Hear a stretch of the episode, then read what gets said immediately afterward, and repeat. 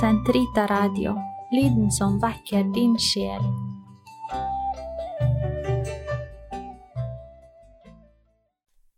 Karmels hage episode 36 Therese av Jesusbarnet og Det hellige ansikt. En kjærlighetens profet i vår tid.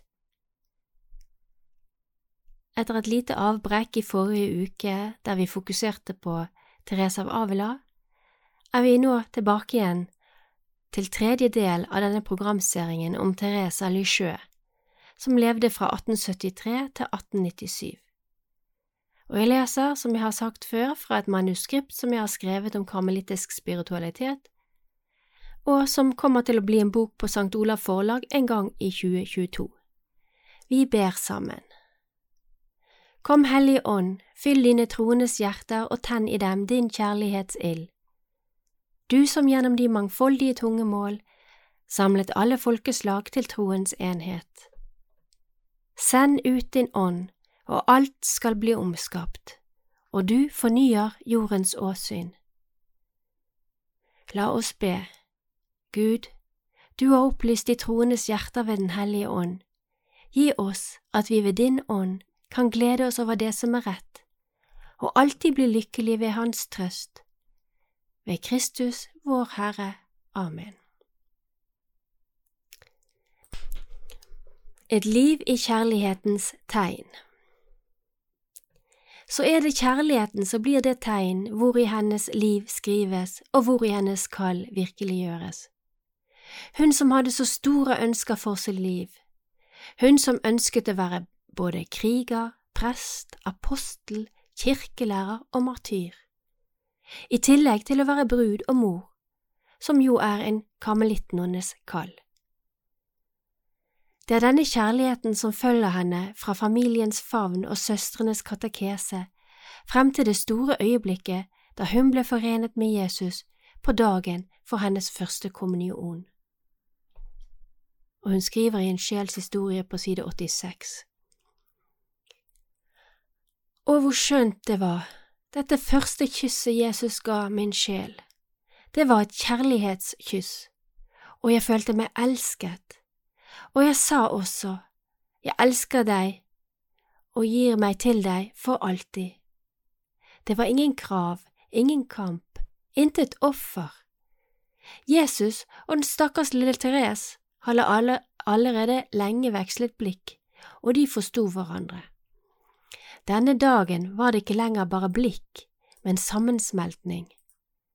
De var ikke lenger to, Therese var forsvunnet liksom en vanndråpe forsvinner i havet. Det var bare Jesus nå. Han var Herren, kongen. Thereses indre var antent av Herrens gledesflamme, den som aldri slukner om han vedvarende får tillatelse til å puste liv i den. Livet i Karmel ble en kontinuitet i stadig dypere å finne sitt kall hun som hadde en sånn intens trang til å redde sjeler, men som etter hvert skjønte at hun ikke fikk dra på den etterlengtede misjonsgrunnleggelsen i Hanoi fordi hun ble syk av tuberkulose. Men allerede før sin første blodstyrtning, som var langfredag, natt til 3. april 1896, hadde hun funnet fred, midt i bønnen, midt i ordet, midt i det skjulte Karmel i Lysjø. Hun hadde funnet innholdet, veien og målet for sitt kall, kjærligheten. Men det ender ikke der. Hennes søken går stadig dypere, og hun gir seg ikke.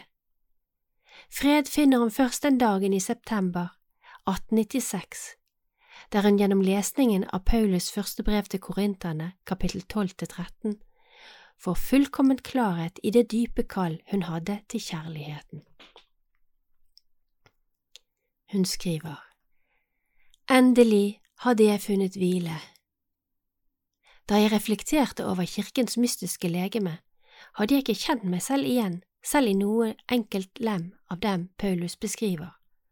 Eller, det var snarere slik at jeg ønsket å identifisere meg med alle. Den barmhjertige kjærligheten ga meg nøkkelen til mitt kall. Jeg forsto at om kirken har et legeme, som var sammensatt av forskjellige lemmer, da kunne den ikke mangle det nødvendigste, det edleste av dem alle. Jeg forsto at kirken hadde et hjerte, og at dette hjertet var brennende av kjærlighet. Jeg forsto at kjærligheten alene er det som driver kirkens lemmer, at om kjærligheten skulle slukne, så ville apostlene ikke lenger forkynne, evangeliet og martyrene nekter å utgyte sitt blod. Jeg forsto at kjærligheten inneholdt alle slags kall, at kjærligheten var alt, at den omfattet alle tider og alle steder, kort sagt, at den var evig. Da utbrøt jeg overveldet av en vill glede. Å, min Jesus, min kjærlighet, mitt kall, endelig har jeg funnet det. Mitt kall, det er kjærligheten. Ja, jeg hadde funnet min plass i kirken, og det er deg, min Gud, som har gitt meg den. I min moder, kirkens hjerte, skal jeg være kjærligheten. På den måten blir, kan jeg være alt. Slik blir min drøm til virkelighet. Gjenoppdagelsen av den barmhjertige kjærligheten blir Thereses merke og kall. Det er en radikal, åndelig frisk bris inn i et miljø som hadde vært så opptatt av Guds rettferdighet at mange nonner i Karmel med stor lidelse, frykt og beven hadde ofret seg for Guds rettferdighet ved å stille seg disponible for ham, ved å påta seg den straffen som tilkom syndere en praksis som var både hard og skremmende og lite, og lite evangelisk sett med Thereses øyne. Hun så at Jesus var kommet for å oppfylle loven, befri mennesket fra synd, angst og straff, nettopp ved at han påtok seg alt ved korset og banet vei for Guds barmhjertige kjærlighet på jorden. Fra rettferdighet til Guds barmhjertige kjærlighet. Det som manglet ved Kristi lidelse på kortet, korset, slik Paulus beskriver det, kunne for Therese aldri tolkes som om mennesket kunne tilføre Jesu sonende lidelse noe som helst. All syndestraff hadde han her tatt på seg, og, som han selv sier, det var fullbrakt. Snarere oppfattet hun at det som manglet, var vår vilje til å være sammen med ham i lidelsen, trøste ham og lindre hans smerter. Allerede som 14-åring en søndag i juli 1887 fikk hun den innsiktens nåde som gjorde henne til en sjel som kontinuerlig forankret henne til korset. Hun beretter selv. En søndag da jeg betraktet et bilde av Herren på korset, ble jeg slått av blodet som falt fra en av hans guddommelige hender, og jeg følte det sterkt smertefullt og tenke på at dette blodet falt til jorden uten at noen skyndte seg å tørke det opp, og jeg bestemte meg for at jeg i ånden skulle holde meg ved korsets fot for å ta imot de guddommelige duggdråpene som dryppet ned der. Og jeg forsto at jeg deretter måtte la dem strømme over sjelene. Jesu rop på korset gjenlød kontinuerlig i mitt hjerte. Jeg tørster, disse ord tente i meg en hittil ukjent og meget levende ild. Jeg ville gi min elskede å drikke, og jeg følte at jeg selv var fortæret av denne tørst etter sjeler. Det skriver han i En sjelshistorie på side 107. Det som mangler ved Kristi lidelse, er altså ikke mangel på offer og lidelse for sjelene, men sjeler som vil være forenet med ham der i kjærlighet. Det er ikke hennes tanke å hjelpe til med en forløsning som han allerede har gjort, men å la denne få strømme fritt gjennom seg og ut til sjelene. Hele Thereses liv og misjon dreier seg kort og godt om å elske og bli elsket, å elske Gud og å dele denne kjærligheten med dem som lever i mørke og uvitenhet. Hun ønsket å slukke hans tørst der på korset ved å stille seg disponibel til å lide med ham for sjelenes frelse. han som tørstet på korset etter sjeler. Derved stilte hun seg disponibel for å lide nettopp av kjærlighet til Herren og hans brennende lengsel etter sjelene. For som hun skriver, sjeler kan kun frelses ved korset. Kun slik kan vi forstå det hun skriver, og som kan tolkes som en lengsel etter å lide. Og det er her det begynner å butte, og det er her jeg og mange med meg faller av lasset fordi vi ennå ikke har kommet inn i denne brennende kjærligheten til Kristus, som hun var så oppflammet av. Motviljen, angst for smerte og ubehag. Og her møter vi oss selv, våre store, uoverkommelige hindre, vår angst for lidelse, vår redsel for å miste posisjon og anseelse, vår uvillighet til å gi slipp på de gleder og rikdommer som hindrer oss i foreningen med vår Frelser, Jesus Kristus korsfestet, men også oppstanden. Vi blir provosert, redd og opplever et så stort ubehag at vi flykter. Dette blir for nært lidelsen, for nært korset, som mange nok helst ønsker å glemme litt idet påsketiden er over. Men hos Therese og også i Karmel leves jul og påske kontinuerlig. Ikke en eneste dag kunne hun glemme eller hoppe over det mirakuløse spennet mellom Jesusbarnet og påskens mysterium. Til og med hennes søster Maria, som i klosteret het Søster Maria av Det hellige hjerte, vegrer seg når hun får spørsmål om å ofre seg til den barmhjertige kjærligheten til tross for at hun må ha skjønt hvor viktig det var for Therese å få med seg en legion av små ofre som kunne elske Herren og spre Hans kjærlighet til sjelene. Og i boken My Sister skriver hun Om jeg ofret meg selv som bytte, ville Gud ta, på meg ord, ta meg på ordet, og jeg har ganske mye lidelse Langt ifra å inspirere meg har ordet bytte alltid fylt meg med avsky, hvorpå Therese raskt oppklarer. Å ofre seg som bytte for Guds kjærlighet er helt forskjellig fra å overgi seg til Hans rettferdighet. Det trenger ikke nødvendigvis å bety, forklarte hun, økt lidelse, men kun økt evne til å elske den gode Gud mer, og gjøre opp for de sjeler som ikke ønsker å elske ham. Hennes søster Marie lar seg overtale og konkluderer, og jeg har aldri angret på at jeg tok dette skrittet. Hjelp over ubehagets terskel. Om du ikke for lenge siden allerede har skrudd av programmet, er du kanskje klar til å få litt drahjelp over ubehagets terskel, klatre over alle menn og utsettelser Kanskje har vi hos Therese, kanskje kan vi finne hos Therese et par nøkler som kan hjelpe oss.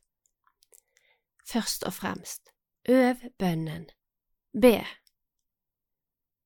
Det er bønnen, kjærligheten og viljen til å tilbringe tid med Herren gjennom ordet og sakramentene som gjør alt mulig. Therese vet at uten kirken og et forpliktende bønneliv er intet av dette mulig. Dette bønnelivet trenger ikke nødvendigvis å oppfattes som salig, givende eller fruktbart. Med Therese og hennes bønneliv, som var så knusktørt som ørkenen, selv store deler av hennes liv,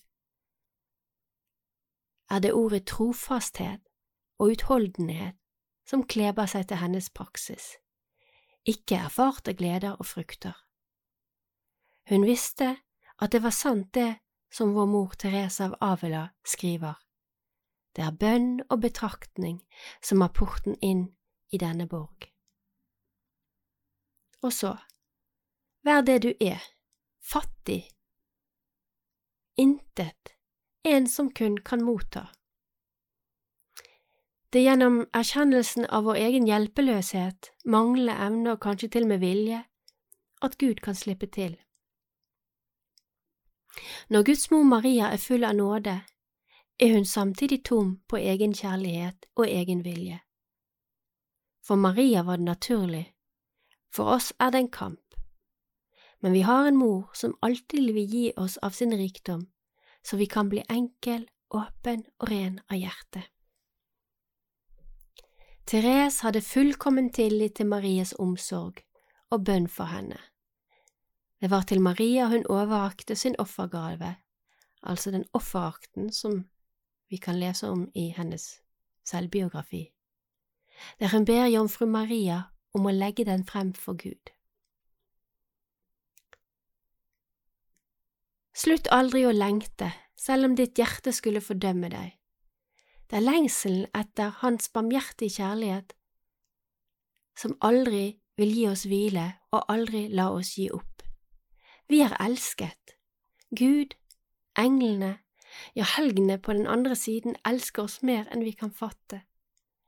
Lengsel møter lengsel, eller som Therese sier det, kjærlighet tiltrekker kjærlighet.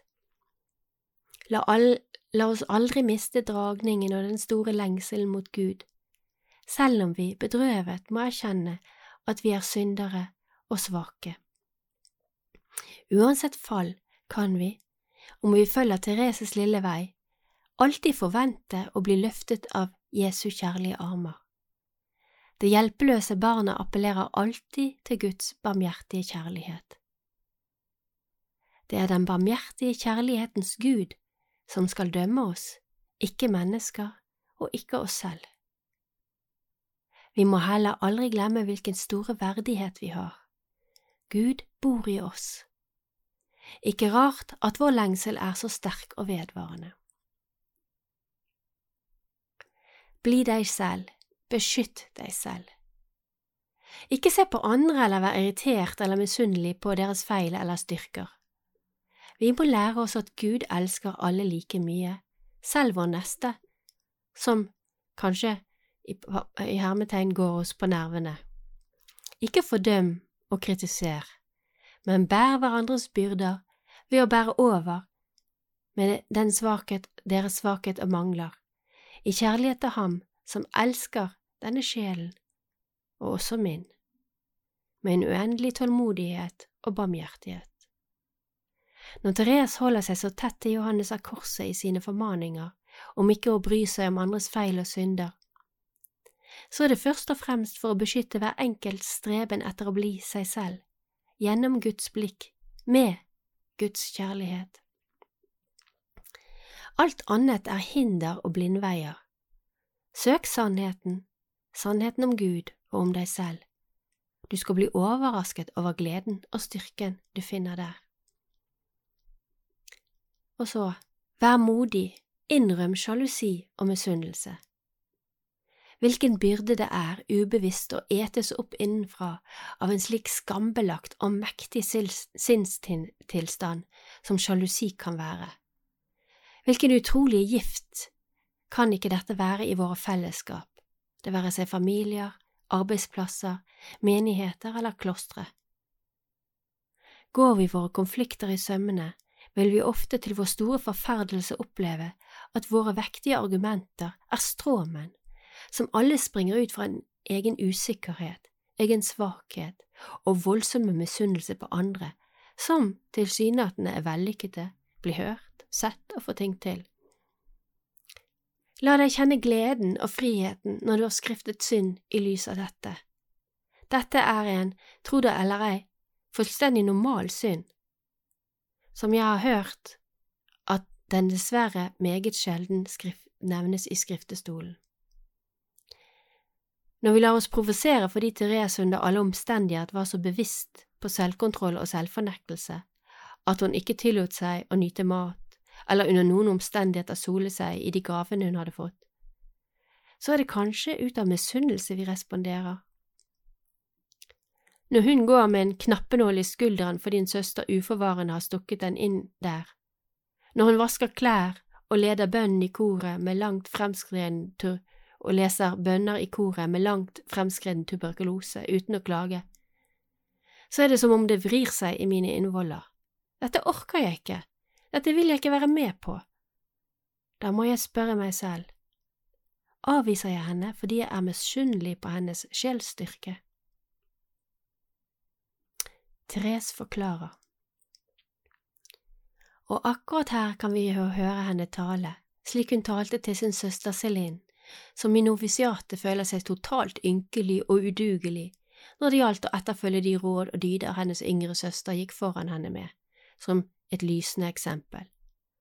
Celine så bare sin søsters tinnebestigning, hun gikk ikke på sin egen tur.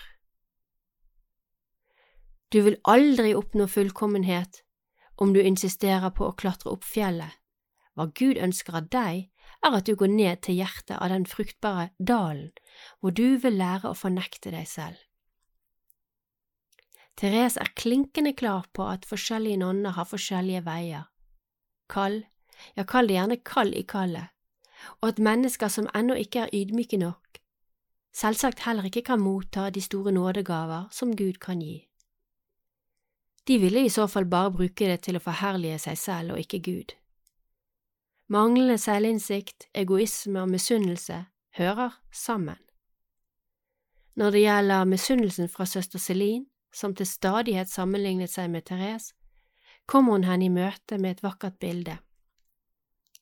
Celine holdt for anledningen på med å sette opp en blomsteroppsats, og Therese tar utgangspunkt i denne. Når de små og store blomstene settes sammen i en felles oppsats i himmelen, vil de sammen gjøre hverandre vakrere. Med andre ord, slutt å prøve å være en blomst du ikke er. Gled deg over å være en blomst i Herrens hage, liten, stor, tistel eller rose. Alt er del av Guds skaperverk, og alt er såre godt.